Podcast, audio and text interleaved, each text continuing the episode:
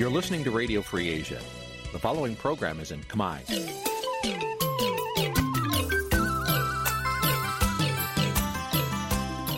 នេះជាកម្មវិធីផ្សាយ Vuthu Azizi Serai នេះជាកម្មវិធីផ្សាយរបស់ Vuthu Azizi Serai ជាភាសាខ្មែរ Vuthu Azizi Serai សូមស្វាគមន៍លោកអ្នកនាងទាំងអស់ពីរដ្ឋធានី Washington នៃសហរដ្ឋអាមេរិក។ ពីរដ្ឋធានី Washington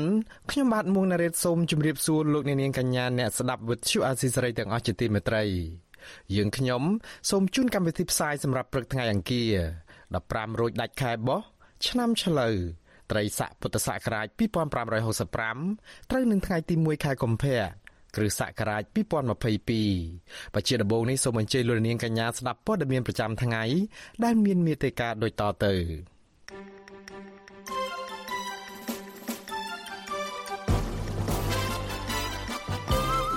គ្រួសារសពលោកងួនសឿនៅតែមិនទាន់អាចបញ្ជាក់អំពីមូលហេតុនៃការស្លាប់របស់អតីតអគ្គស្នងការរងនគរបាលជាតិរូបនេះអ្នកស្រឡាញ់ព្រៃឈើសាទរចំពោះការផ្ដាល់សញ្ជាតិខ្មែរជូនគ្រួសារជនជាតិអាមេរិកដែលការពារព្រៃឈើខ្មែរក្រសួងបរិស្ថានច្រានចោលរបាយការណ៍អង្គការលើកលែងទោសអន្តរជាតិអំពីការកាប់ឈើខុសច្បាប់នៅកម្ពុជា នាគារពិភពលោកជំរុញឲ្យកម្ពុជាកែតម្រង់ធំមួយ ដើម្បីពង្រឹងសមត្ថភាពក្នុងស្រុករួមនឹងព័ត៌មានផ្សេងៗមួយចំនួនទៀត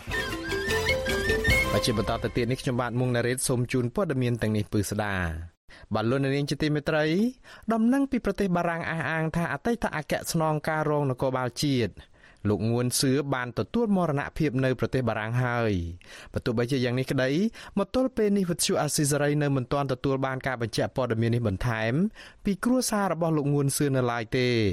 នៅពេលដែលវិទ្យុអាស៊ីសេរីហៅទូរស័ព្ទទៅលេខរបស់លោកងួនសឿកាលពីយប់ថ្ងៃទី31ខែមករាស្ត្រីម្នាក់ដែលលើកទូរស័ព្ទនោះហើយដែលអះអាងថាជាភរិយារបស់លោកមិនបញ្ជាក់ប្រាប់ពីដំណឹងមរណភាពនេះនៅឡើយទេ តែអ្នកស្រីក៏មិនបដិសេធដំណឹងនេះដែរ អ្នកស្រីបានមានប្រសាសន៍ថាអ្នកស្រីនឹងបញ្ជាក់នៅពេលក្រោយវិទ្យុអាស៊ីសេរីបានព្យាយាមតាក់ទងទៅភរិយាលោកងួនសឿជាច្រើនដងទៀតនៅប្រមាណម៉ោងមុនការផ្សាយនេះតែលេខទូរស័ព្ទដែលធ្លាប់តាក់ទងបាននោះលែងមានអ្នកទទួលហើយ ដំណឹងពីមរណភាពរបស់លោកងឿនសឿននេះត្រូវបានគេចុះផ្សាយលើបណ្ដាញសង្គមជាហូរហែតាំងតែពីព្រឹកថ្ងៃទី31ខែមករា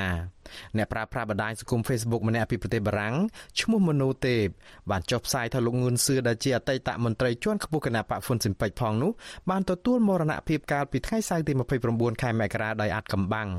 មកទល់ពេលនេះមិនទាន់ដឹងមូលហេតុពិតប្រាកដនៃការស្លាប់នេះនៅឡើយទេក្រៅពីនេះប្រពន្ធដែលស្និទ្ធនឹងលោកងួនសឿនៅឯប្រទេសបារាំងបានប្រាប់វិទ្យុអាស៊ីសេរីកាលពីយប់មិញដោយអះអាងថាលោកងួនសឿពិតជាបានស្លាប់មែនហើយលោកបន្ថែមថាសាកសពលោកងួនសឿក្រុមគ្រួសារនឹងយកទៅបូជានៅថ្ងៃពុធទី2ខែកុម្ភៈក្រោយពីប៉ូលីសបារាំងធ្វើកសលវិច័យរួចរាល់ក៏ប៉ុន្តែបន្ទាល់ពេលនេះប្រពន្ធដដែលអះអាងថាលោកមិនទាន់អាចបញ្ជាក់ប្រាប់បានទេថាលោកងឿនសឿស្លាប់ដោយសារតែមូលហេតុអ្វីពិតប្រាកដនោះ។ រីឯប្រពន្ធម្នាក់ទៀតនៅឯប្រទេសបារាំងដែរហើយអះអាងថាជាមនុស្សស្និទ្ធនឹងលោកងួនសឿដែរនោះអះអាងថាលោកងួនសឿស្លាប់ដោយសារតែជំងឺមហារីក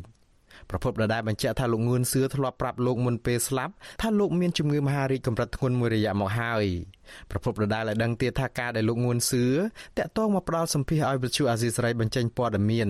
តាក់ទងនឹងអក្រិតកម្មនយោបាយប្រព្រឹត្តឡើងដោយក្រុមលោកហ៊ុនសែនកាលពីពេលថ្មីថ្មីនេះនោះ គឺដោយសារតែលោកដឹងខ្លួនថាលោកនឹងមិនរស់យូរទៀតទេលោកងឿនសឿជាមន្ត្រីជាន់ខ្ពស់គណៈបកហ្វុនស៊ិនប៉ិចនិងជាអតីតអគ្គស្នងការរងនគរបាលជាតិបានចូលរួមនៅក្នុងវេទិកាអ្នកស្ដាប់វិទ្យុអាស៊ីសេរីលើកចុងក្រោយជាមួយលោកជុនច័ន្ទបុតកាលពីរាត្រីថ្ងៃអង្គារទី25ខែមករា នៅក្នុងកម្មវិធីនោះលោកបានរៀបរាប់ពីលោកហុកឡងឌីថាជាអ្នកបញ្ជាកូនចៅរបស់ខ្លួនឲ្យទៅបាញ់សម្លាប់លោកហូសុករដ្ឋលេខាធិការក្រសួងមហាផ្ទៃនិងមន្ត្រីជាន់ខ្ពស់គណៈបកហ្វុនស៊ិនប៉ិចជាច្រើនអ្នកទៀតរួមទាំងលោកជាវិជានិងលោកបដិតកែមលីផងលោកងួនសឿចោទថាលោកហុកឡងឌីធ្វើតាមបញ្ជារបស់លោកហ៊ុនសែនមកទល់ពេលនេះវិទ្យុអាស៊ីសេរីនៅតែព្យាយាមតាក់ទងក្រុមគ្រួសាររបស់លោកដើម្បីសួរអំពីដំណឹងមរណភាពរបស់លោកងួនសឿបន្ថែមទៀត បាទលោកនាងជាទីមេត្រីអ្នកស្រឡាញ់បរិស្ថាននិងធនធានព្រៃឈើសាទរចំពោះការផ្ដាល់សញ្ជាតិខ្មែរឲ្យគ្រួសារជនជាតិអាមេរិកដែលសកម្មការពារព្រៃឈើខ្មែរ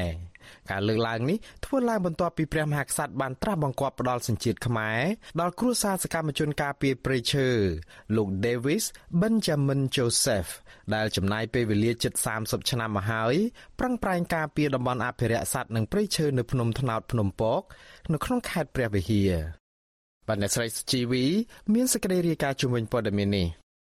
បរិសុជនជាតិអាមេរិកកាំងលោក Davis Ben Joseph ឬលោក Ben និងសមាជិកគ្រួសាររបស់លោកសមនឹងទទួលបានសញ្ជាតិខ្មែរនិងការសរសើរពីពលរដ្ឋខ្មែរព្រោះលោកបានចំណាយពេលវេលា និងកម្លាំងកាយកម្លាំងចិត្តការពារព្រៃឈើសត្វព្រៃនិងធនធានធម្មជាតិនៅក្នុងតំបន់ព្រៃអភិរក្សនៅក្នុងខេត្តព្រះវិហារមន្ត្រីសម្របសម្រួលគម្រោងនៃសមាគមបណ្ដាញយុវជនកម្ពុជាលោកអូតឡាទីនដែលធ្លាប់ចុះល្បាតព្រៃចូលព្រៃជាមួយលោកបែនដែរនោះប្រាប់វិទ្យុអាស៊ីសេរីថាលោកបែន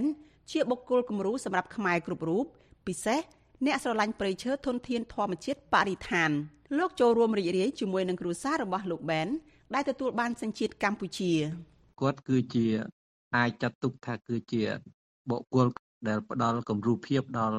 យុវជនកម្ពុជាដល់ប្រជាពលរដ្ឋកម្ពុជាឲ្យចេះឈឺឆ្អាលឲ្យចេះចាប់អារម្មណ៍រឿងធនធានធម្មជាតិដែលត្រៀតដែលជាទ្រព្យសម្បត្តិជាតិរបស់ទាំងអស់គ្នានឹង ឆ្លោះបញ្ចាំងថាគាត់ជាជនជាតិបរទេសគាត់មកចូលរួម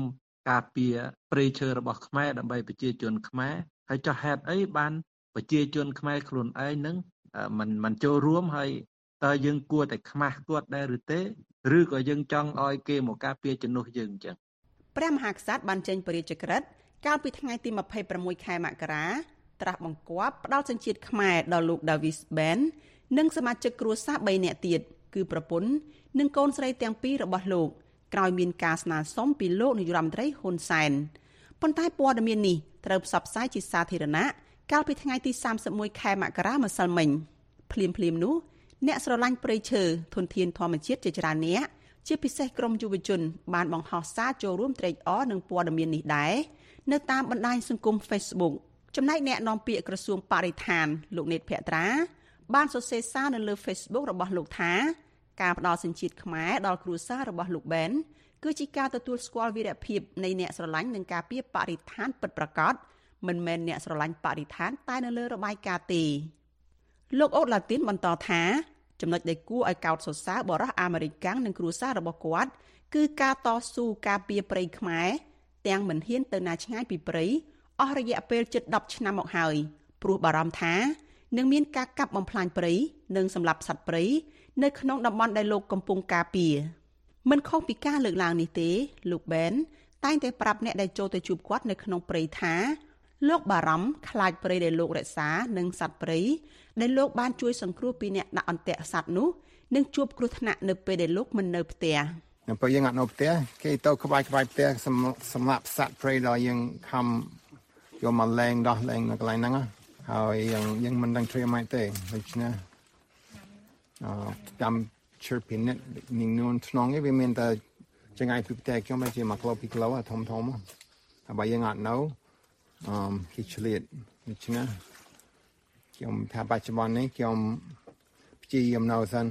លោកបែនបានចូលមកកម្ពុជាតាំងពីឆ្នាំ1992 ដើម្បីការពារធនធានធម្មជាតិនិងសត្វព្រៃជាពិសេសនៅក្នុងតំបន់អភិរក្សសត្វនិងព្រៃឈើនៅភ្នំថ្នោតភ្នំពក ក្នុងខេត្តព្រះវិហារមន្ត្រីបរិស្ថានធ្លាប់អះអាងកាលពីឆ្នាំ2021ថាក្រសួងផ្ដល់ថវិកាចំនួន20,000ដុល្លារនៅក្នុងមួយឆ្នាំសម្រាប់រយៈពេល5ឆ្នាំទៅដល់លោកបែននិងគ្រួសារដែលបានលះបង់កម្លាំងកាយចិត្តការពារនិងអភិរក្សធនធានព្រៃឈើនេះ តំបន់ដែនជម្រកសត្វព្រៃភ្នំថ្នោតភ្នំពកស្ថិតនៅក្នុងខេត្តព្រះវិហារនិងខេត្តសៀមរាបមានទំហំផ្ទៃដីសរុបជាង40000ហិកតាក្នុងនោះលោកបែនបានការអនុញ្ញាតពីក្រសួងបរិស្ថាន គ្រប់គ្រង និងអភិរក្សលើផ្ទៃដីជាង7000ហិកតានាងខ្ញុំសុជីវីវិទ្យុអាស៊ីសេរីពីរដ្ឋធានី Washington អាស៊ីសេរី បាទលោកនាងជាទីមេត្រីលោកនាងក៏អាចស្ដាប់ការផ្សាយរបស់វិទ្យុអាស៊ីសេរីដែលផ្សាយដំណើរគ្នានឹងការផ្សាយតាមបណ្ដាញសង្គម Facebook និង YouTube នេះតាមរយៈរលកធារកាសខ្លីឬក៏ Short Wave ពេលព្រឹកចាប់ពីម៉ោង5កន្លះដល់ម៉ោង6កន្លះតាមរយៈរលកធារកាសខ្លី9390 kHz ស្មើនឹងកម្ពស់ 32m និង11850 kHz ស្មើនឹងកម្ពស់ 25m ពេលយប់ចាប់ពីម៉ោង7កន្លះដល់ម៉ោង8កន្លះតាមរយៈរលកធារកាសខ្លី9390 kHz ស្មើនឹងកម្ពស់ 32m និង15155 kHz ស្មើនឹងកម្ពស់ 20m បាទសូមអរគុណ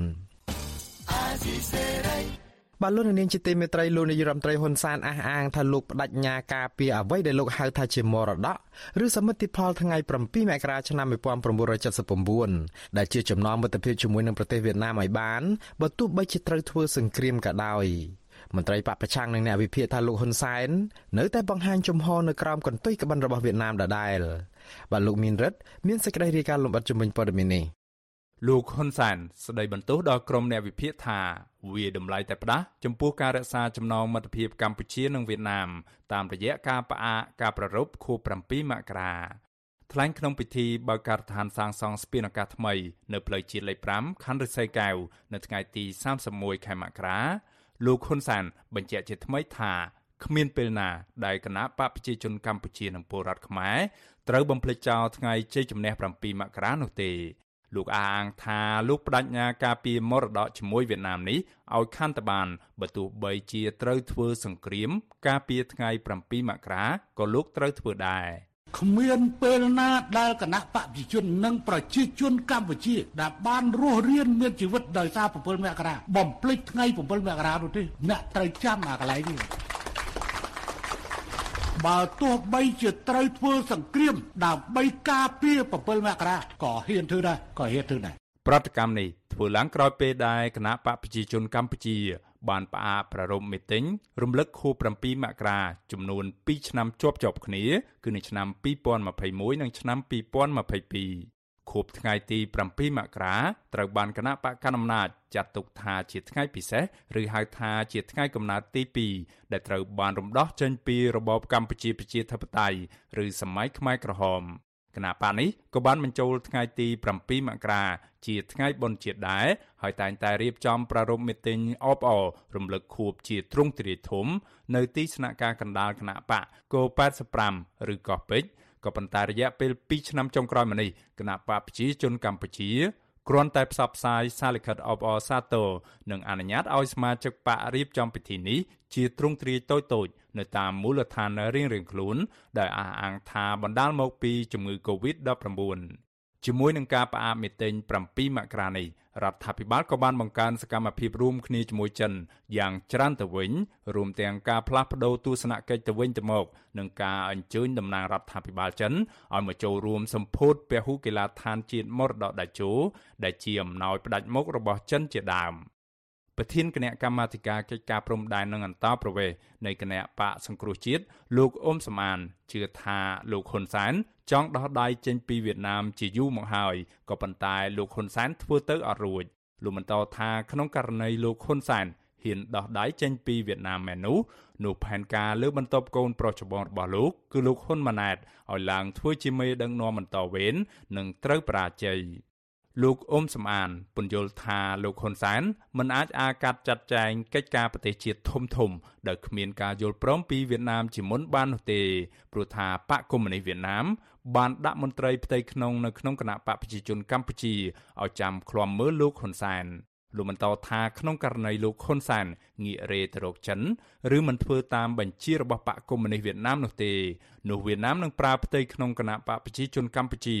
ឲ្យទម្លាក់លោកហ៊ុនសែនមិនខុសពីមេដឹកនាំគណៈបកប្រជាជនកម្ពុជាកាលពីពេលមុនមុននោះដែរបើសិនជាគាត់មិនយកចិត្តយួនទេយួនប្រកាសជាប្រើផ្ទៃក្នុងគណៈបកប្រជាជនហ្នឹងដើម្បីទម្លាក់គាត់ហើយប្រកាសជាយួនប្រើផ្ទៃក្នុងគណៈបកប្រជាជនហ្នឹងរារាំងមិនឲ្យគាត់ទេអំណាចពីគាត់ទៅគោលរបស់គាត់គឺលោកហ៊ុនម៉ាណែតទេ ពាក់ព័ន្ធទៅនឹងរឿងការប្រកាសសង្គ្រាមការពារ7មករានេះអ្នកវិភាគនយោបាយយល់ថាលោកហ៊ុនសែនកំពុងលេងលបែងដៃម្ខាងចាប់ត្រីពីរគឺការធ្វើអ្វីៗគ្រប់យ៉ាងដើម្បីផ្គប់ចិត្តទាំងចិននិងវៀតណាមអ្នកវិភាគនយោបាយលោកកឹមសុខអះអាងថាចិនមិនពេញចិត្តនឹងមរតកថ្ងៃ7មករាប្រមាណនោះទេព្រោះជាថ្ងៃដែលវៀតណាមផ្ដួលរំលំរបបប៉ុលពតដែលជាសម្ព័ន្ធមិត្តរបស់ចិនកាលពីពេលនោះ លោកបន្តថាដើម្បីផ្គប់ចិត្តចិនលោកហ៊ុនសែនបានប្រើលេសនៃជំងឺ Covid-19 ដើម្បីផ្អាករំលឹកខួប7មករាហើយយកថ្ងៃពិសេសជាមួយវៀតណាមនោះធ្វើដំណើរទៅជួបមេដឹកនាំរបបសឹកភូមាតាមបញ្ជារបស់ចិនទៅវិញទោះជាយ៉ាងណាលោកហ៊ុនសែនមិនអាចស្រវាចាប់ចិនហើយអាចទៅបោះបង់ចោលវៀតណាមបានភ្លាមភ្លាមនោះទេដូច្នេះលោកត្រូវកសាងស្ទប់មិត្តភាពជាមួយវៀតណាមឲ្យបានច្រើនដើម្បីបញ្ជាក់ពីចិត្តស្មោះ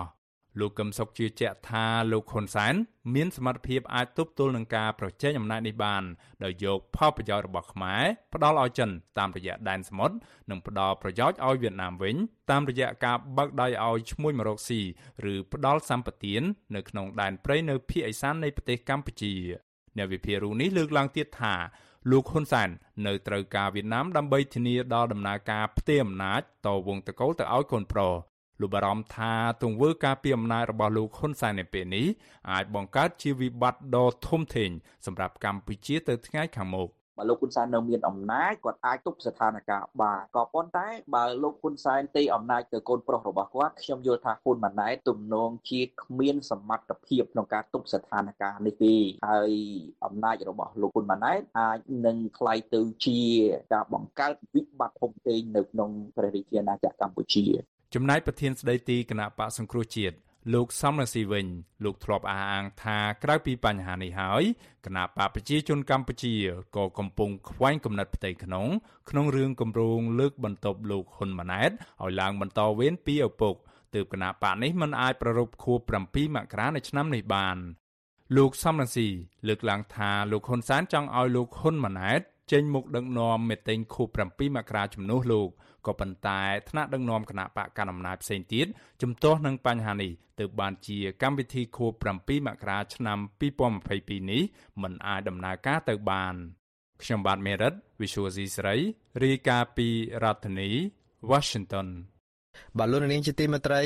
ពាក់ព័ន្ធនឹងព័ត៌មានអំពីការតវ៉ារបស់បុគ្គលិកកាស៊ីណូ Naga World ក្រុមកម្មការនៃក្រុមហ៊ុននេះបន្តធ្វើកោតកម្មនៅក្បែរស្ថានទូតអូស្ត្រាលីអស់រយៈពេល46ថ្ងៃហើយគិតមកត្រឹមថ្ងៃទី31ខែមករាម្សិលមិញ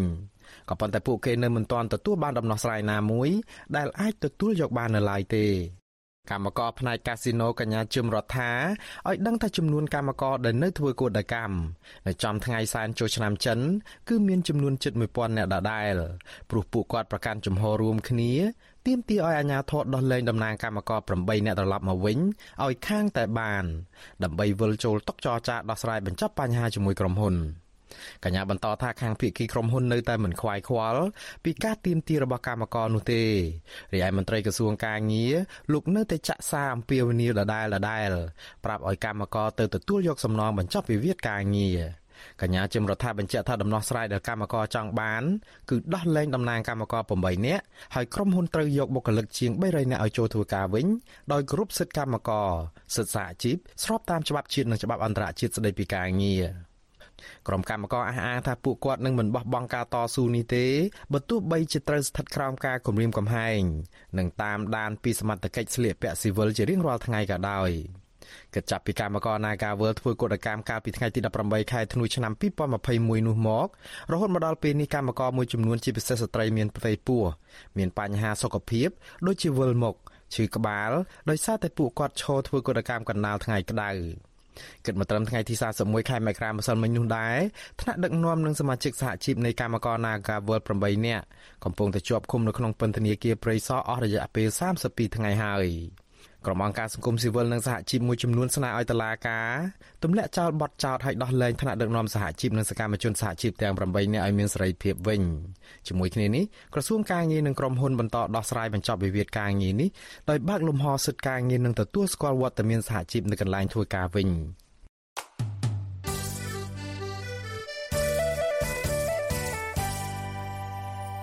បាទលោកនាងជាទីមេត្រីអំពីព័ត៌មានពាក់ព័ន្ធនឹងស្ថានភាពលំបាករបស់ពលករចំណាក់ស្រុកដែលឆ្លងជំងឺ Covid-19 ឯណោះ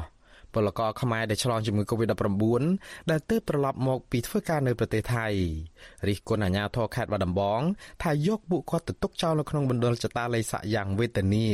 ដោយគ្មានគ្រូពេទ្យព្យាបាលនោះឡើយអ្នកជំងឺ Covid-19 ទាំងនោះបានដេកហាលមូសនៅក្នុងមណ្ឌលចតាល័យស័កនៅតំបន់ព្រំដែននៅក្នុងស្រុកសំពៅលូនអស់ជាច្រើនថ្ងៃមកហើយពុំមានគ្រូពេទ្យណាផ្ដល់ថ្នាំជូនពួកគាត់លេបម្ដងនៅឡើយទេបាទលោកទីនសាការីយ៉ាមានសេចក្តីរាយការណ៍អំពីរឿងនេះ ក្រុមពលករខ្មែរដែលឆ្លងជំងឺ Covid-19 បំផ្លាញថ្មីអូមីក្រុងលើកឡើងថាអាញាធិបប្រចាំនៅព្រំដែនស្រុកគំរៀងខេត្តបាត់ដំបង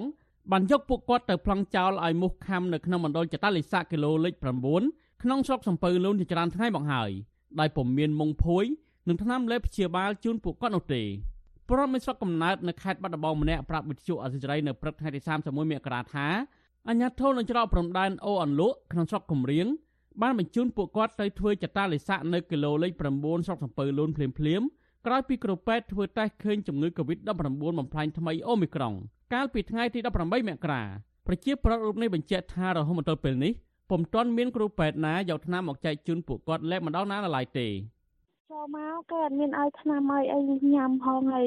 គេថាយើងមកបើអត់មានភួយអត់មានមកខ្លួនឯងទេគ្រាន់តែមូខាំហ្នឹងក៏ក្រន់ងាប់ដែរ អត់ផងគេគ្រាន់តែយកមកយកយើងដាក់ខុំហ្នឹងទៅដាក់ក្នុងឃ្លាំងកន្លែងក្រែយើងកែងហ្នឹងទៅគេអត់មានអីមកសំបីតែមកមើលយើងម្ដងក៏អត់ដែរតាំងពីមក14ថ្ងៃហើយដូចពួកខ្ញុំអញ្ចឹងគេយកមកដាក់អញ្ចឹងដូចញ៉ាំថាយើងពួកទឹកមាត់សាបហើយនិយាយលេងកើតអីអញ្ចឹងខ្ញុំអត់ហ៊ាននិយាយទេមានតែតាមនឹង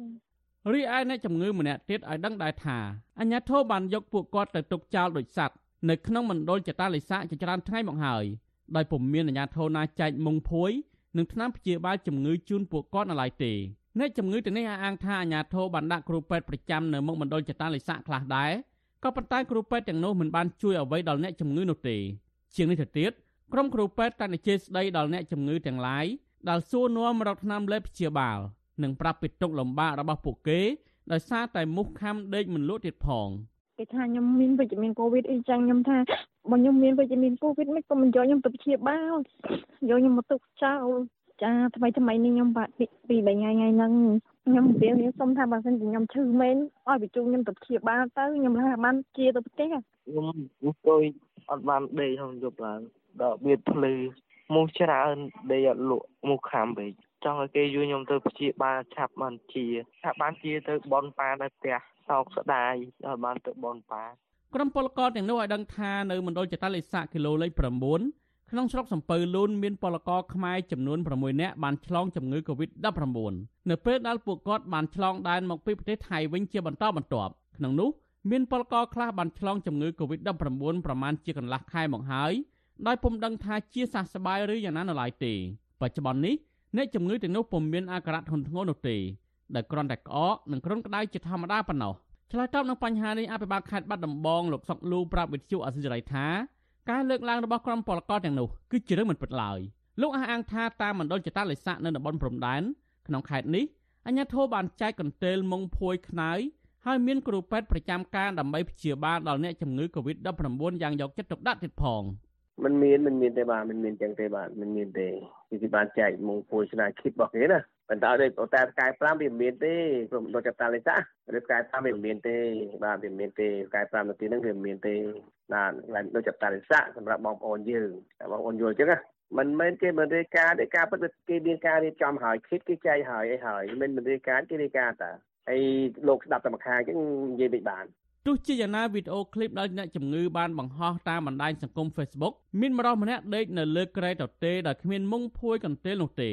បន្ថែមពីនេះ អ្នកជំងឺបាននិយាយរៀបរាប់ប្រាប់ពីទុកលំបាករបស់ពួកគេនៅក្នុងវីដេអូឃ្លីបនោះថា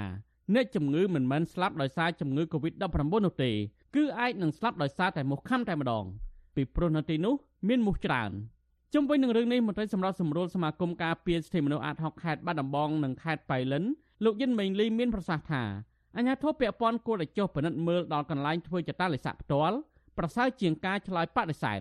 ដោយមិនបានដោះស្រាយជូនអ្វីទាំងអស់ដល់អ្នកជំងឺ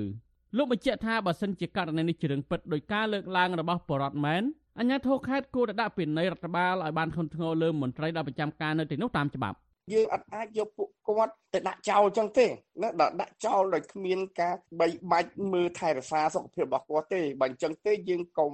យកគាត់ទៅដាក់កន្លែងព្យាបាលឲ្យគាត់ព្យាបាលតាមយថាកម្មរបស់គាត់វិញទៅអានឹងវាល្អជាងសំណុំពោទៅទូចដល់អាជ្ញាធរខេត្តតែម្ដងបាទលោកត្រូវចុះជាបន្ទាន់ស្វាស្វែងរកការពិតថាប្រសិនបញ្ហានេះពិតឬមិនពិតហើយកុំអាឲ្យតែអ្វីដែលប្រជាពលរដ្ឋលោកលើកឡើងហើយឬក៏អ្វីដែលបង្ហោះសារតាម Facebook យើងតែងតែនាំគ្នាបដិសេធបានន័យថាយើងអត់ព្រមរកឲ្យឃើញសិនថាវាពិតឬមិនពិតទេណាជាមួយគ្នាដែរនៅថ្ងៃទី31មករាដដែលនេះអាញាធរថៃបានបញ្ជូនពលករខ្មែរចំនួន233នាក់ប្រគល់ឲ្យអាញាធរកម្ពុជា តាមច្រករបៀងព្រំដែនអូអន្លក់ស្រុកកំរៀងខេត្តបាត់ដំបងមេបញ្ជាការប៉ូលីសវរៈការពីព្រំដែនលេខ819បានបង្ហោះសារនៅក្នុង Facebook នៅថ្ងៃទី31មករាថាក្នុងចំណោមនោះ មានស្ត្រីម្នាក់បានធ្វើតេស្តរកឃើញជំងឺ Covid-19 បំផ្លាញថ្មីអូមីក្រុងអញ្ញាធិបបានបញ្ជូនពលករចំនួន46នាក់ទៅធ្វើចតាឡេសាក់នៅស្រុកសំពៅលូនចំណែកឯពលករជាង180នាក់ផ្សេងទៀតដែលបានចាក់វ៉ាក់សាំងបង្ការជំងឺ Covid-19 ពីរដុសរួចហើយអញ្ញាធិបបានអនុញ្ញាតឲ្យពួកគេវិលទៅស្រុកកំណើតវិញរៀងៗខ្លួននៅថ្ងៃដដែលនេះខ្ញុំទីនសាការីយ៉ាអសិលសេរីប្រធានីវ៉ាស៊ីនតោន បលូននាងជាទីមេត្រីអ្នកឆ្លងមេរោគបំផ្លាញថ្មីអូមីក្រុងនៅប្រទេសកម្ពុជា បានកើនឡើងដល់ជាង800អ្នកហើយគិតមកត្រឹមថ្ងៃទី31ខែមករាម្សិលមិញនៅក្នុងអ្នកជំងឺពាក់កណ្ដាលឆ្លងនៅក្នុងសហគមន៍ជាមធ្យមមានអ្នកផ្ទុកជំងឺនេះថ្មី50អ្នកនៅក្នុងមួយថ្ងៃដែលនៅក្នុងនោះអ្នកឆ្លងនៅក្នុងសហគមន៍មានជាមធ្យមប្រមាណ40អ្នកនៅក្នុងមួយថ្ងៃ តួលេខនេះបូកបញ្ចូលទាំងអ្នកឆ្លងថ្មីចំនួន56អ្នកដែលជាប្រភេទអូមីក្រុងទាំងអស់កាលពីថ្ងៃទី31ខែមករានោះនៅក្នុងចំណោម56ករណីនោះករណីនាំចូលមាន9អ្នកនិងឆ្លងនៅក្នុងសហគមន៍មាន47អ្នកកាលពីថ្ងៃម្សិលមិញនោះដែរលោកនាយរដ្ឋមន្ត្រីហ៊ុនសែនបានផ្ញើសារអំពាវនាវដល់ប្រជាពលរដ្ឋឲ្យប្រុងប្រយ័ត្នចំពោះជំងឺ Covid ប្រភេទ Omicron អំឡុងពេលដើរកម្សាន្តនៅក្នុងឱកាសពិធីបុណ្យចូលឆ្នាំចិនស្របពេលដែលមេរោគប្រភេទបំផ្លាញខ្លួនថ្មីនេះ កំពុងតែឆ្លងរីករាលដាលយ៉ាងលឿននៅក្នុងសហគមន៍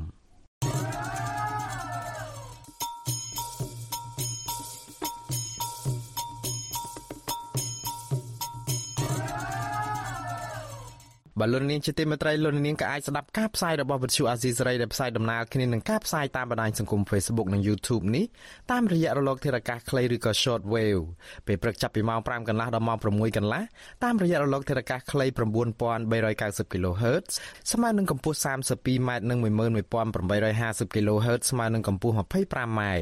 ពេលយប់ចាប់ពីម៉ោង7កន្លះដល់ម៉ោង8កន្លះតាមរយៈរលកធារកាសខ្លី9390 kHz ស្មើនឹងកម្ពស់ 32m និង15155 kHz ស្មើនឹងកម្ពស់ 20m បាទសូមអរគុណ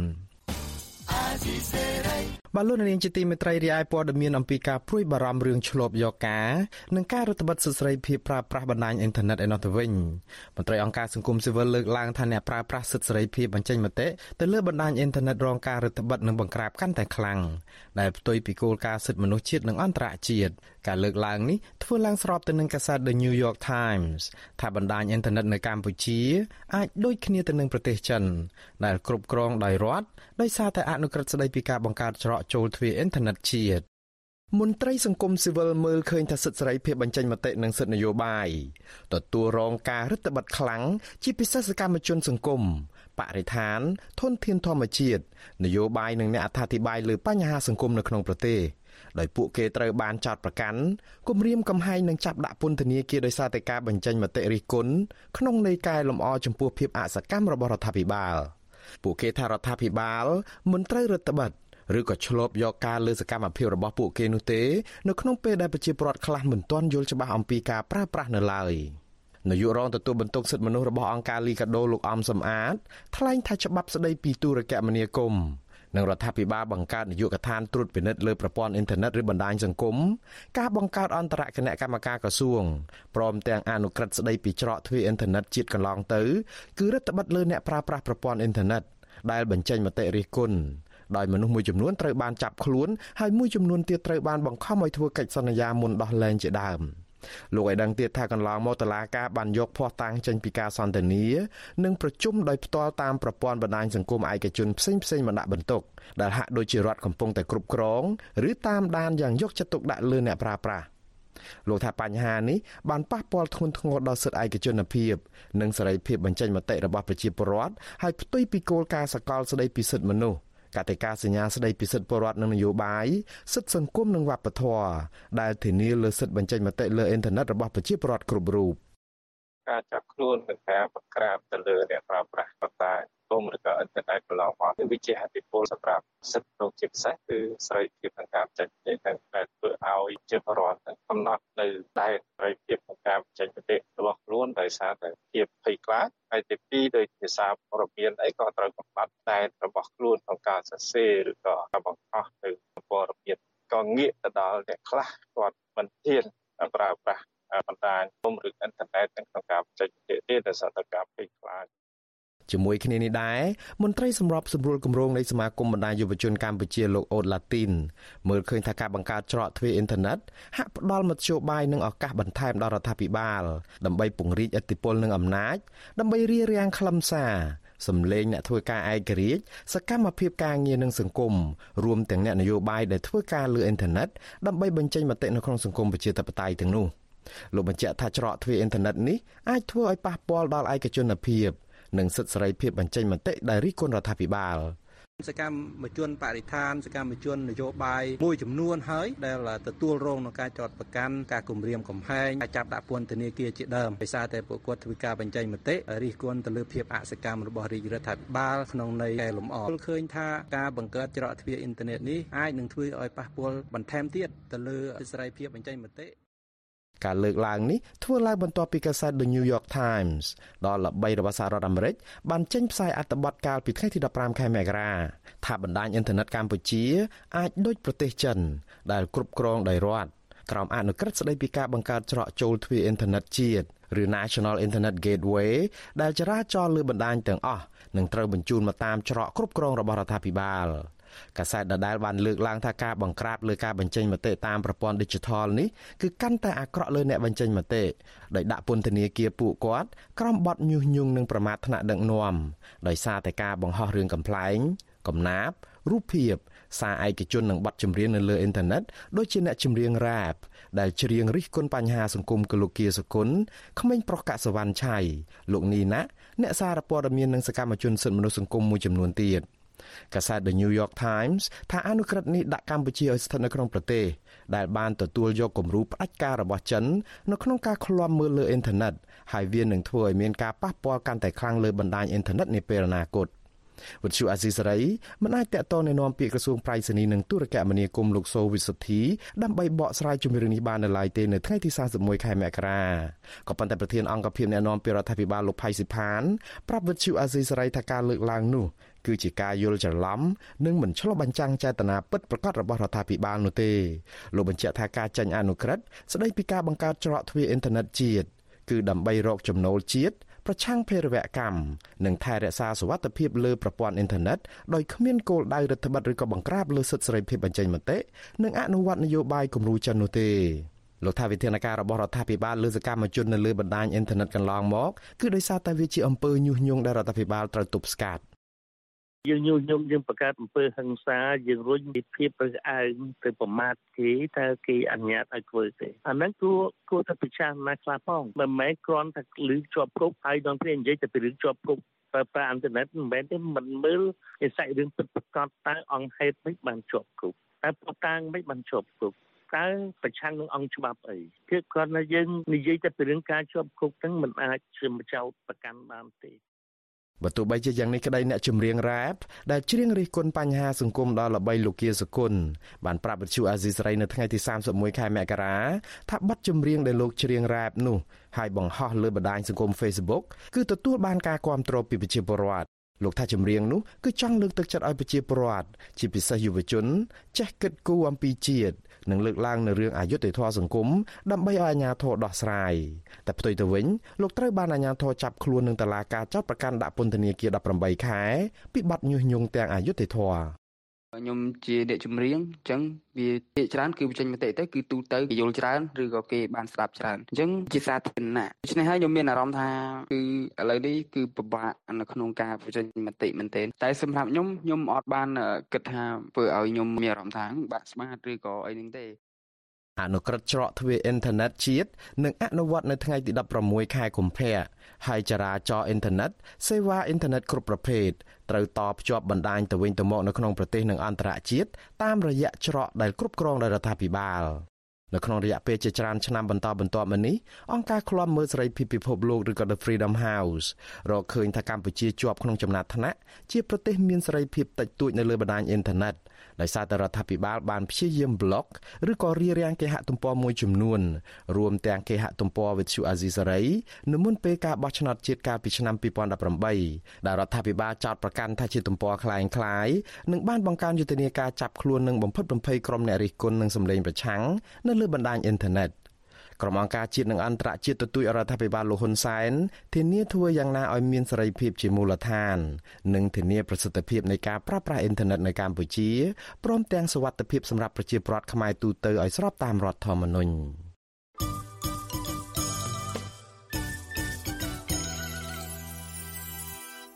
បលូននាងជាទីមេត្រីតកតងទៅនឹងរឿងនេះសូមលោកនាងរងចាំតាមដានស្ដាប់នីតិវិទ្យាអ្នកស្ដាប់វិទ្យុអាស៊ីសេរីដែលនឹងជជែកលម្អិតពីបញ្ហានេះនៅយប់ថ្ងៃអង្គារនេះចាប់ពីម៉ោង7កន្លះដល់ម៉ោង9កម្មវិធីនេះសម្របសម្រួលដោយលោកជុនច័ន្ទបតបើសិនជាលោកនាងមានសំណួរចង់សួរភ្ញៀវរបស់យើងដោយផ្ទាល់ឬក៏ចង់បញ្ចេញយោបល់សូមលោកនាងដាក់លេខទូរស័ព្ទរបស់លោកនាងឬក៏សរសេរនៅក្នុងប្រអប់ផ្ញើសាររបស់ Messenger Facebook និង YouTube របស់ Vuthu Azizari ក្រុមការងាររបស់យើងនឹងហៅទៅលោកអ្នកនាងវិញសូមអរគុណ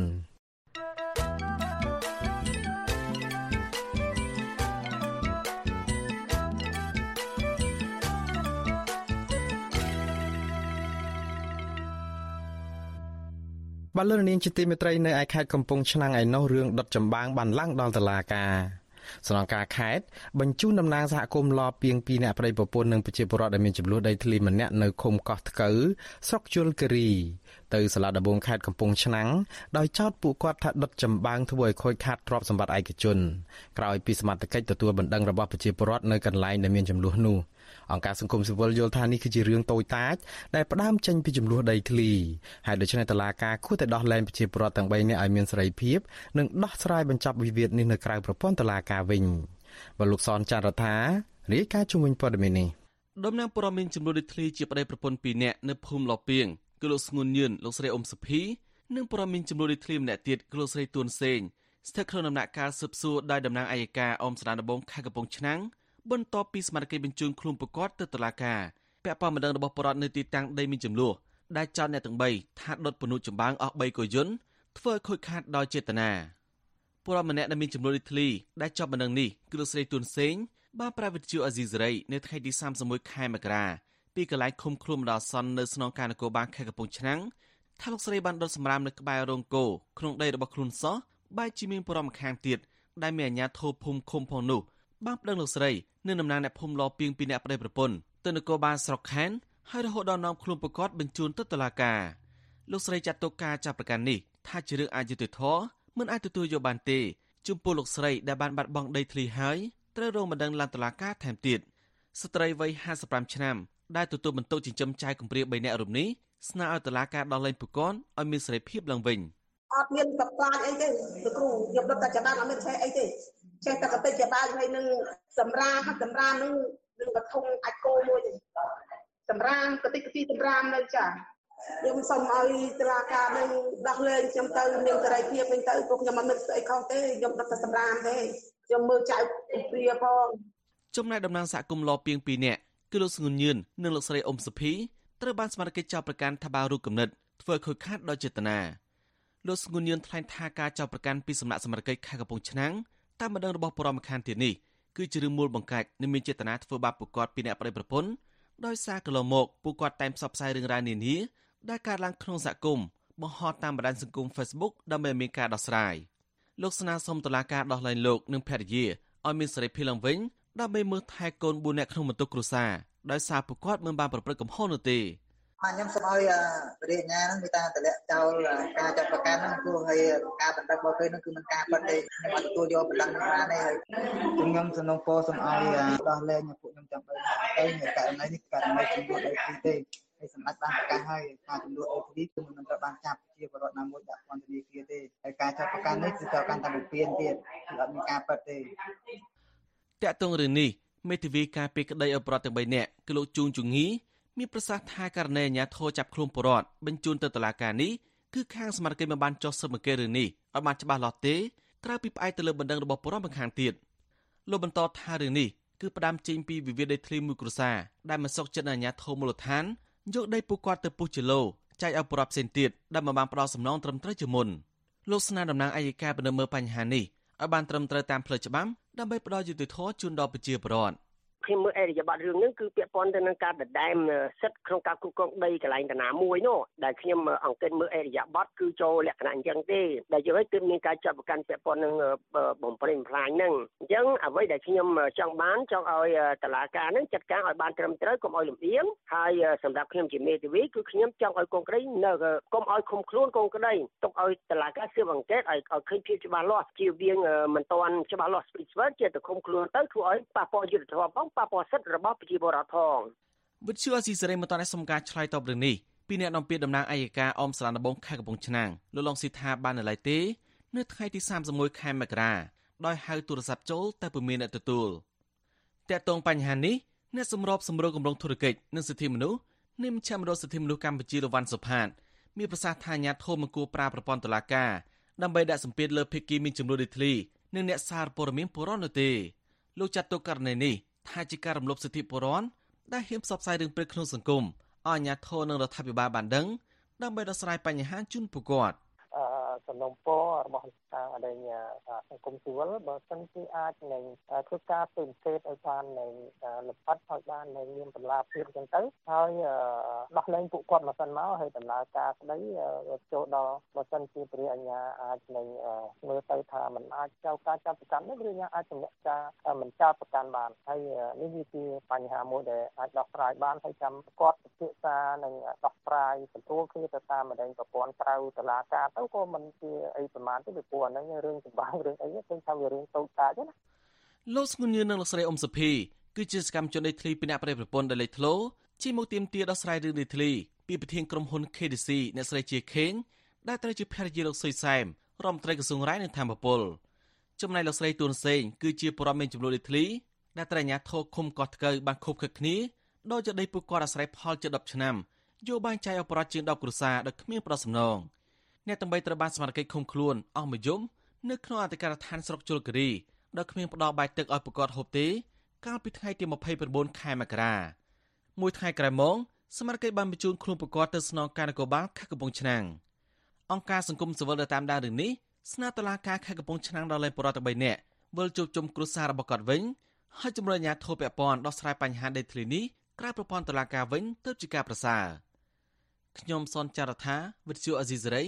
រាយការណ៍ពីរដ្ឋធានីវ៉ាស៊ីនតោនបលរនាងជាទីមេត្រីធនាគារពិភពលោកឬក៏ World Bank ថាដើម្បីកម្ពុជាអាចស្ដារសេដ្ឋកិច្ចឲ្យមានកំណើនទៀងទាត់ឡើងវិញបានគឺកម្ពុជាត្រូវកែតម្រង់ធំមួយដើម្បីពង្រឹងសមត្ថភាពនៅក្នុងស្រុក។ ប្រធានគ្រប់គ្រងនៃធនាគារពិភពលោកប្រចាំនៅប្រទេសកម្ពុជា លោកស្រីម៉ារីយ៉ាមសាលីមមានប្រសាសន៍នៅក្នុងសេចក្តីប្រកាសព័ត៌មានរបស់ធនាគារពិភពលោកកាលពីថ្ងៃទី31ខែមករាថាដើម្បីងាកទៅរកកន្លងឆ្ពោះទៅមានកំណើនសេដ្ឋកិច្ចដោយចីរភាពវិញបានគឺកម្ពុជាចាំបាច់ត្រូវការរបៀបវិរៈកែតម្រង់ប្រកបដោយមហិច្ឆតាមួយដែលផ្ដោតសំខាន់ទៅលើការបង្កើនសមត្ថភាពរបស់ក្រុមហ៊ុន ពលករនៅក្រុមគ្រួសារនៅកម្ពុជាព្រមទាំងកែលម្អបរិយាកាសធ្វើធុរកិច្ចនិងការវិនិយោគជាដើមផងធនាគារពិភពលោកថានៅក្នុងប្រមាណឆ្នាំកន្លងទៅថ្មីៗនេះផលិតផលចំនួន5មុខមានវិស័យកាត់ដេរស្បែកជើងអង្គដំឡូងមីនិងទេសចរមានទំហំ80%នៃទំហំនាំចេញសរុបរបស់កម្ពុជា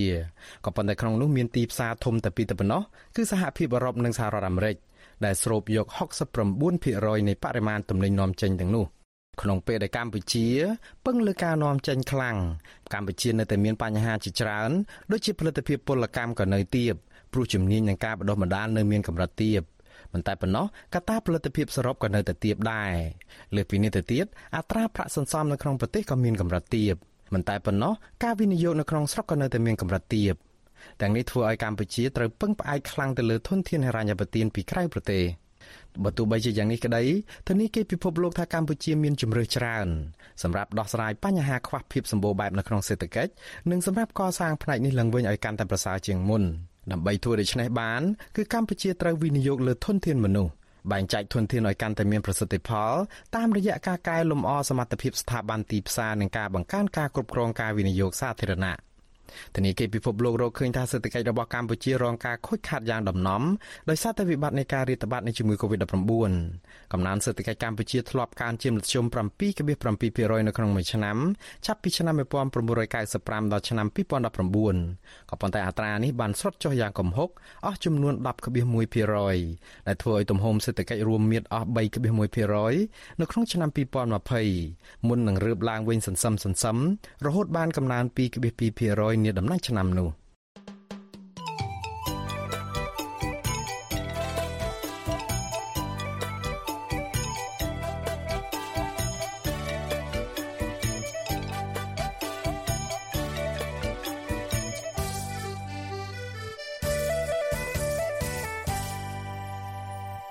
បលរនាងជាទីមេត្រីក្រសួងបរិស្ថានបានច្រានចោលរបាយការណ៍របស់អង្គការលើកលែងទោសអន្តរជាតិឬ Amnesty International ដែលរកឃើញថាការកាប់ឈើខុសច្បាប់នៅក្នុងតំបន់ព្រៃការពារធម្មជាតិបង្កើតឲ្យមានជាការរំលោភសិទ្ធិមនុស្សនិងលុបបំបាត់ទំនៀមទម្លាប់ជនជាតិដើមភាគតិចនៅកម្ពុជាក្រសួងបរិស្ថានទាមទារឲ្យអង្គការនេះបង្ហាញភ័ស្តុតាងថាមានអំពើពុករលួយយ៉ាងច្រើននាំឲ្យបាត់ព្រៃឈើនោះ។ ក៏ប៉ុន្តែប្រជាសហគមន៍ចាត់ទុកថាការច្រានចោលរបាយការណ៍របស់ក្រសួងសម័យនេះនឹងលើកទឹកចិត្តឲ្យមានការកាប់បំផ្លាញព្រៃឈើកាន់តែធ្ងន់ធ្ងរថែមទៀតបាទលោកលេងម៉ាលីមានសេចក្តីរាយការណ៍ជំវិញព័ត៌មាននេះក្រសួងបរិស្ថានចាត់ទុករបាយការណ៍របស់អង្គការលើកលែងទោសអន្តរជាតិ Amnesty International ថាគ្មានមូលដ្ឋាននិងផុសតាងច្បាស់លាស់នោះទេហើយធ្វើឡើងក្នុងគោលដៅប្រឆាំងនឹងកម្ពុជា ដើម្បីបង្ខូចមន្ត្រីក្រសួងបរិស្ថានទាំងមូលតែទោះជាយ៉ាងណាក្តី ក្រសួងអះអាងថាប្រសិនបើមានភស្តុតាងច្បាស់លាស់ក្រសួងស្វាគមន៍នឹងចុះស៊ើបអង្កេតករណីចោតប្រកាន់ទាំងនេះព្រមមន្ត្រីឧទ្យានុរក្សកំពុងបំពេញតួនាទីប្រកបដោយការទទួលខុសត្រូវនិងវិជ្ជាជីវៈការពារធនធានធម្មជាតិអ្នកនាំពាក្យក្រសួងបរិស្ថានលោកនេតភក្ត្រាបកស្រាយថាបច្ចុប្បន្នស្ថានភាពព្រៃអភិរក្សមានភាពល្អប្រសើរដោយភាពរិចរិលបានធ្លាក់ចុះហើយកម្ពុជាកំពុងខំប្រឹងអភិរក្សព្រៃធម្មជាតិដែលនៅសល់ ដោយលក់ឥណទានកាបូនលើទីផ្សារស្ម័គ្រចិត្តកាលពីឆ្នាំ2016មកក្រោមពាក្យស្លោកថាថែរក្សាដើមឈើដើម្បីរកចំណូល ការចោតប្រកាន់ពីបញ្ហាពុករលួយសូមឲ្យអង្គការ Amnesty International បង្ហាញផុសតាងច្បាស់លាស់ថាតើបុគ្គលណាពិតប្រាកដប៉ុន្តែបើត្រឹមតែលើកឡើងបែបអនាមិកនោះបង្ហាញថាអង្គការ Amnesty International គ្រាន់តែជាអង្គការប្រឌិតរបាយការណ៍ឡើងដើម្បីបង្ខូចកេរ្តិ៍ឈ្មោះកម្ពុជានិងសងសឹកជំនួសឲ្យបកពួកខ្លួននៅក្នុងស្រុកដែលកំពុងតែបំពានច្បាប់និងធ្វើសកម្មភាពវិធានសនាប្រឆាំងកម្ពុជាជ្រកក្រោមស្លាកអ្នកស្រឡាញ់បរិស្ថាននិងធនធានធម្មជាតិតែប៉ុណ្ណោះការបកស្រាយបែបនេះ គឺបន្ទាប់ពីអង្គការលើកលែងទោសអន្តរជាតិ Amnesty International បានផ្សាយរបាយការណ៍ស្រាវជ្រាវថ្មីមួយកាលពីថ្ងៃទី28មករាដោយរកឃើញថាការកាប់ឈើខុសច្បាប់ក្នុងតំបន់ព្រៃការពារធម្មជាតិបង្កើតឲ្យមានជាការរំលោភសិទ្ធិមនុស្សនិងបំបត្តិទំនៀមទម្លាប់ជនជាតិដើមភាគតិចនៅកម្ពុជាអង្គការនេះជំរុញរដ្ឋាភិបាលថាត្រូវតែបញ្ឈប់ការកាប់ឈើខុសច្បាប់ដោយទប់ស្កាត់ជាបន្ទាន់នៅអំពើពុករលួយដែលកំពុងកើតឡើងយ៉ាងសន្ធឹកសន្ធាប់ អង្គការលើកលែងទោសអន្តរជាតិបានគណនាពីចម្ងាយដោយប្រើប្រព័ន្ធទិន្នន័យកាលពីពេលថ្មីៗនេះដោយរកឃើញថាគម្របព្រៃឈើទំហំជាង6000ហិកតាស្ថិតក្នុងដែនជម្រកសត្វព្រៃឡង់និងព្រៃព្រះរកាត្រូវបានកាប់បំផ្លាញនៅក្នុងឆ្នាំ2021លើពីនេះទៀតមូលហេតុចម្បងនាំឲ្យមានការកាប់ឈើខុសច្បាប់គឺការទទួលសំណូកនិងការប្រព្រឹត្តអំពើពុករលួយរបស់អាជ្ញាធរពាក់ព័ន្ធរបាយការណ៍បន្ថែមថា ការរឹតបន្តឹងសិទ្ធិការពារព្រៃឈើពីសំណាក់រដ្ឋាភិបាលលើសហគមន៍និងសកម្មជន បង្កផលប៉ះពាល់ដល់សិទ្ធិចូលរួមការពារធនធានធម្មជាតិរួមមាន ការបំពុះព្រៃឈើឬការចុះល្បាតព្រៃរបស់ជនជាតិដើមភាគតិចតែទោះជាយ៉ាងនេះក្តីលោកនេតភក្ត្រាបកស្រាយថាក្រសួងបរិស្ថានបដិញ្ញាចិត្តខ្ពស់ក្នុងការការពារនិងគោរពសិទ្ធិរបស់ជនជាតិដើមភាគតិចគួយដែលរស់នៅក្នុងតំបន់ការពារធម្មជាតិ ដោយបានចែករំលែកការទទួលខុសត្រូវក្នុងកិច្ចការពារធនធានធម្មជាតិតាមរយៈការបង្កើតសហគមន៍តំបន់ការពារធម្មជាតិតាមផ្លូវច្បាប់លោកថ្លែងថាក្នុងចំណោមសហគមន៍តំបន់ការពារធម្មជាតិសរុបជិត200សហគមន៍មានប្រជាសហគមន៍52នាក់ក្នុងនោះរាប់ទាំងសហគមន៍ជនជាតិដើមភាគតិចគួយក្នុងខេត្តព្រះវិហារចំនួន8កំពុងសហការជាមួយក្រសួងបរិស្ថាន ការពារព្រៃឡង់លោកអះអាងទៀតថា ប្រជាសហគមន៍ទាំងនោះមានសិទ្ធិសេរីភាពពេញលេញក្នុងការចុះល្បាតព្រៃដែលអនុញ្ញាតដោយច្បាប់និងទទួលបានកិច្ចសហការល្អពីក្រសួងបរិស្ថានព្រមទាំងលើកកម្ពស់ជីវភាពរស់នៅឆ្លើយតបការបកស្រាយរបស់អ្នកនាំពាក្យក្រសួងបរិស្ថានរូបនេះប្រជាសហគមន៍ព្រៃឡង់បបួលលោកណេតផេត្រាចូលល្បាតព្រៃទាំងអស់គ្នាហើយពួកលោកនឹងបង្ហាញផុសតាងអំពីអ ுக ្រិតកម្មព្រៃឈើជាច្រើនដែលមន្ត្រីបរិស្ថាននិងអាជ្ញាធរគប់ខិតគ្នា អនុញ្ញាតឲ្យក្រុមអ្នកអាឈើចូលព្រៃឡង់កាប់ឈើបានដោយងាយ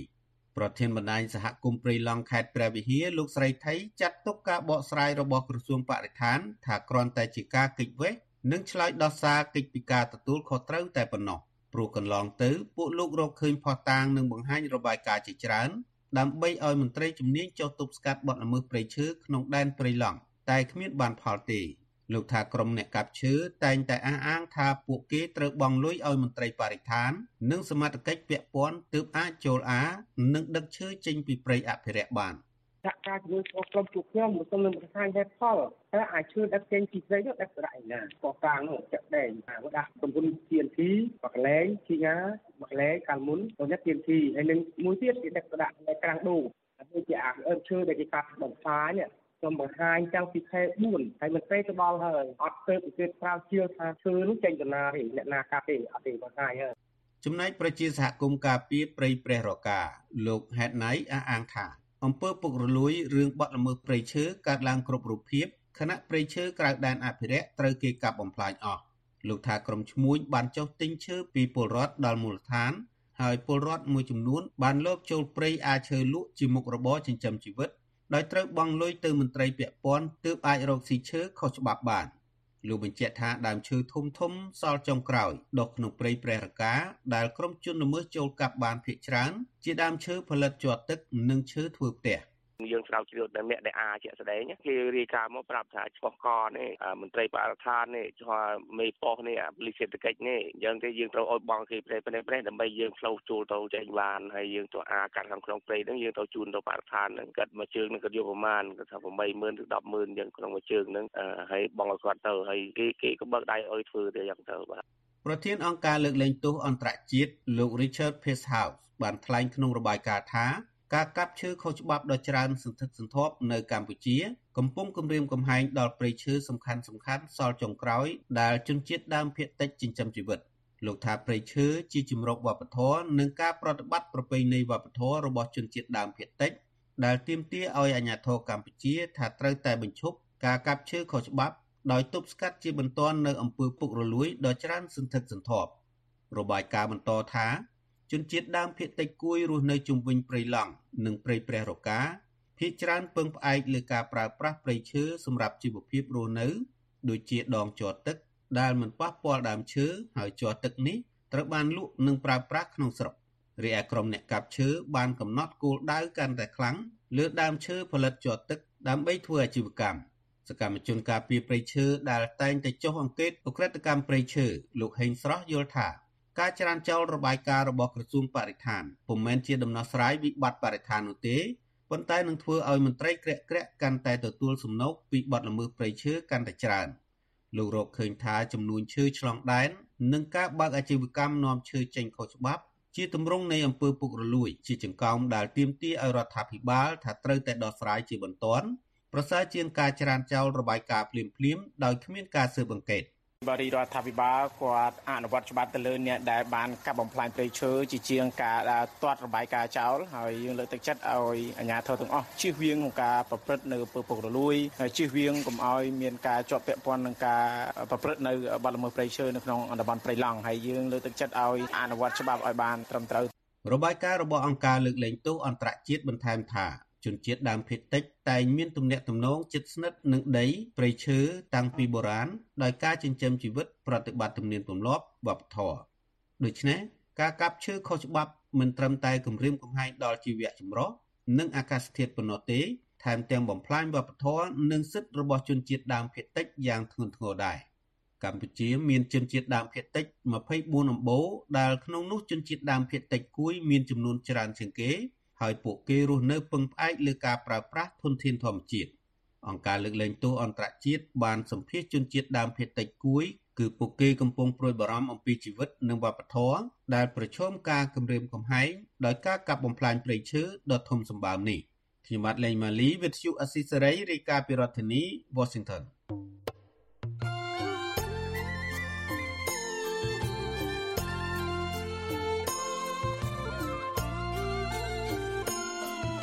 បាទលោកនាងជាទីមេត្រីលោកនាងកំពុងតែស្ដាប់ការផ្សាយរបស់វិទ្យុអាស៊ីសេរីផ្សាយចេញពីរដ្ឋធានី Washington សហរដ្ឋអាមេរិកនៅក្នុងឱកាសនេះដែរខ្ញុំបាទសូមថ្លែងអំណរគុណដល់លោកនាងកញ្ញាទាំងអស់ដែលតែងតែមានភក្ដីភាពចំពោះការផ្សាយរបស់យើងហើយចាត់ទុកការស្ដាប់វិទ្យុអាស៊ីសេរីជាផ្នែកមួយនៃសកម្មភាពប្រចាំថ្ងៃរបស់លោកនាងការគ្រប់គ្រងរបស់លោកនាងនេះហើយដែលធ្វើឲ្យយើងខ្ញុំមានទឹកចិត្តកាន់តែខ្លាំងក្លាថែមទៀតនៅក្នុងការស្វែងរកនិងផ្តល់ព័ត៌មានជូនលោកនាង មានអ្នកស្ដាប់និងអ្នកទស្សនាកាន់តែច្រើនកាន់តែធ្វើឲ្យយើងខ្ញុំមានភាពស្វាហាប់មោះមុតជាបន្តទៅទៀតយើងខ្ញុំសូមអរគុណទុកជាមុនហើយក៏សូមអញ្ជើញលោកនាងកញ្ញាចូលរួមជំរុញឲ្យសកម្មភាពផ្តល់ព័ត៌មានរបស់យើងនេះកាន់តែជោគជ័យបន្ថែមទៀតលោកនាងអាចជួយយើងខ្ញុំបានដោយគ្រាន់តែចុចចែករំលែកឬក៏ Share ការផ្សាយរបស់យើងនៅលើបណ្ដាញសង្គម Facebook និង YouTube ទៅកាន់មិត្តភ័ក្តិដើម្បីឲ្យការផ្សាយរបស់យើងបានទៅដល់មនុស្សកាន់តែច្រើនសូមអរគុណ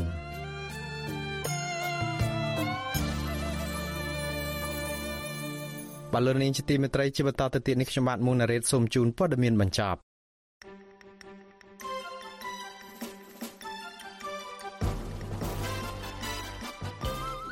ដំណឹងពីប្រទេសបារាំងអះអាងថាអតីតអគ្គស្នងការរងនគរបាលជាតិលោកងួនសឿបានទទួលមរណភាពនៅប្រទេសបារាំងហើយ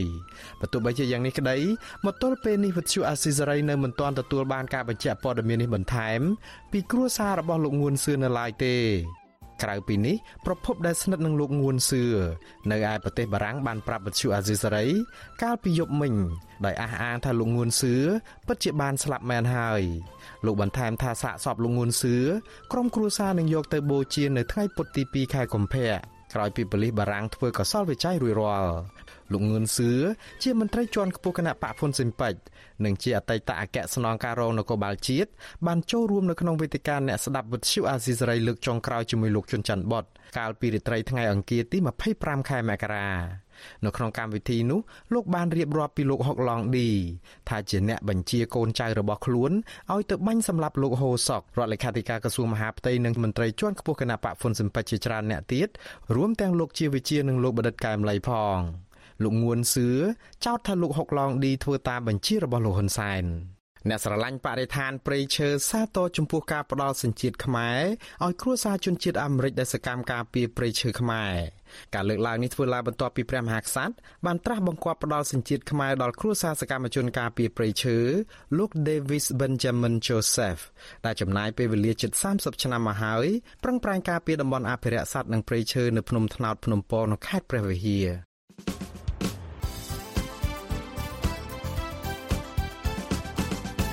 បលូននាងកញ្ញាអ្នកស្ដាប់ជាទីមេត្រី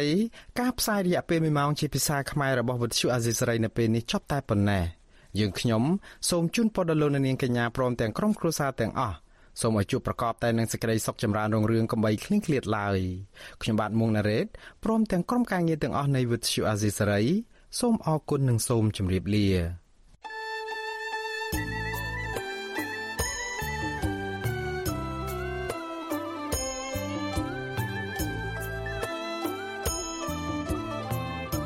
វិទ្យុអាស៊ីសេរីផ្សាយតាមរលក ធាតុអាកាសខ្លីឬ short wave តាមកម្រិតនិងកម្ពស់ដូចតទៅនេះ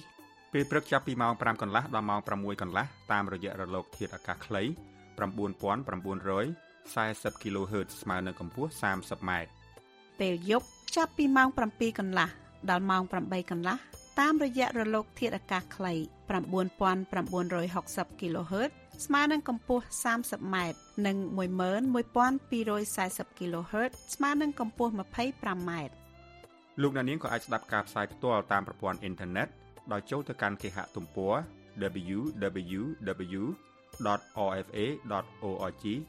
ខ្មែរក្រៅពីនេះលោកអ្នកនាងក៏អាចអាននិងទស្សនាព័ត៌មានវិទ្យុអាស៊ីសេរី លើទូរស័ព្ទដៃរបស់លោកអ្នកផ្ទាល់សូមលោកអ្នកនាងចូលទៅកាន់បណ្ដាញសង្គម Facebook ដែលមានអាសយដ្ឋាន www.facebook.com/rfa cambodia និង YouTube www.youtube.com/rfa khmer video សូមលោកអ្នកនាងចុច like និងចុច Subscribe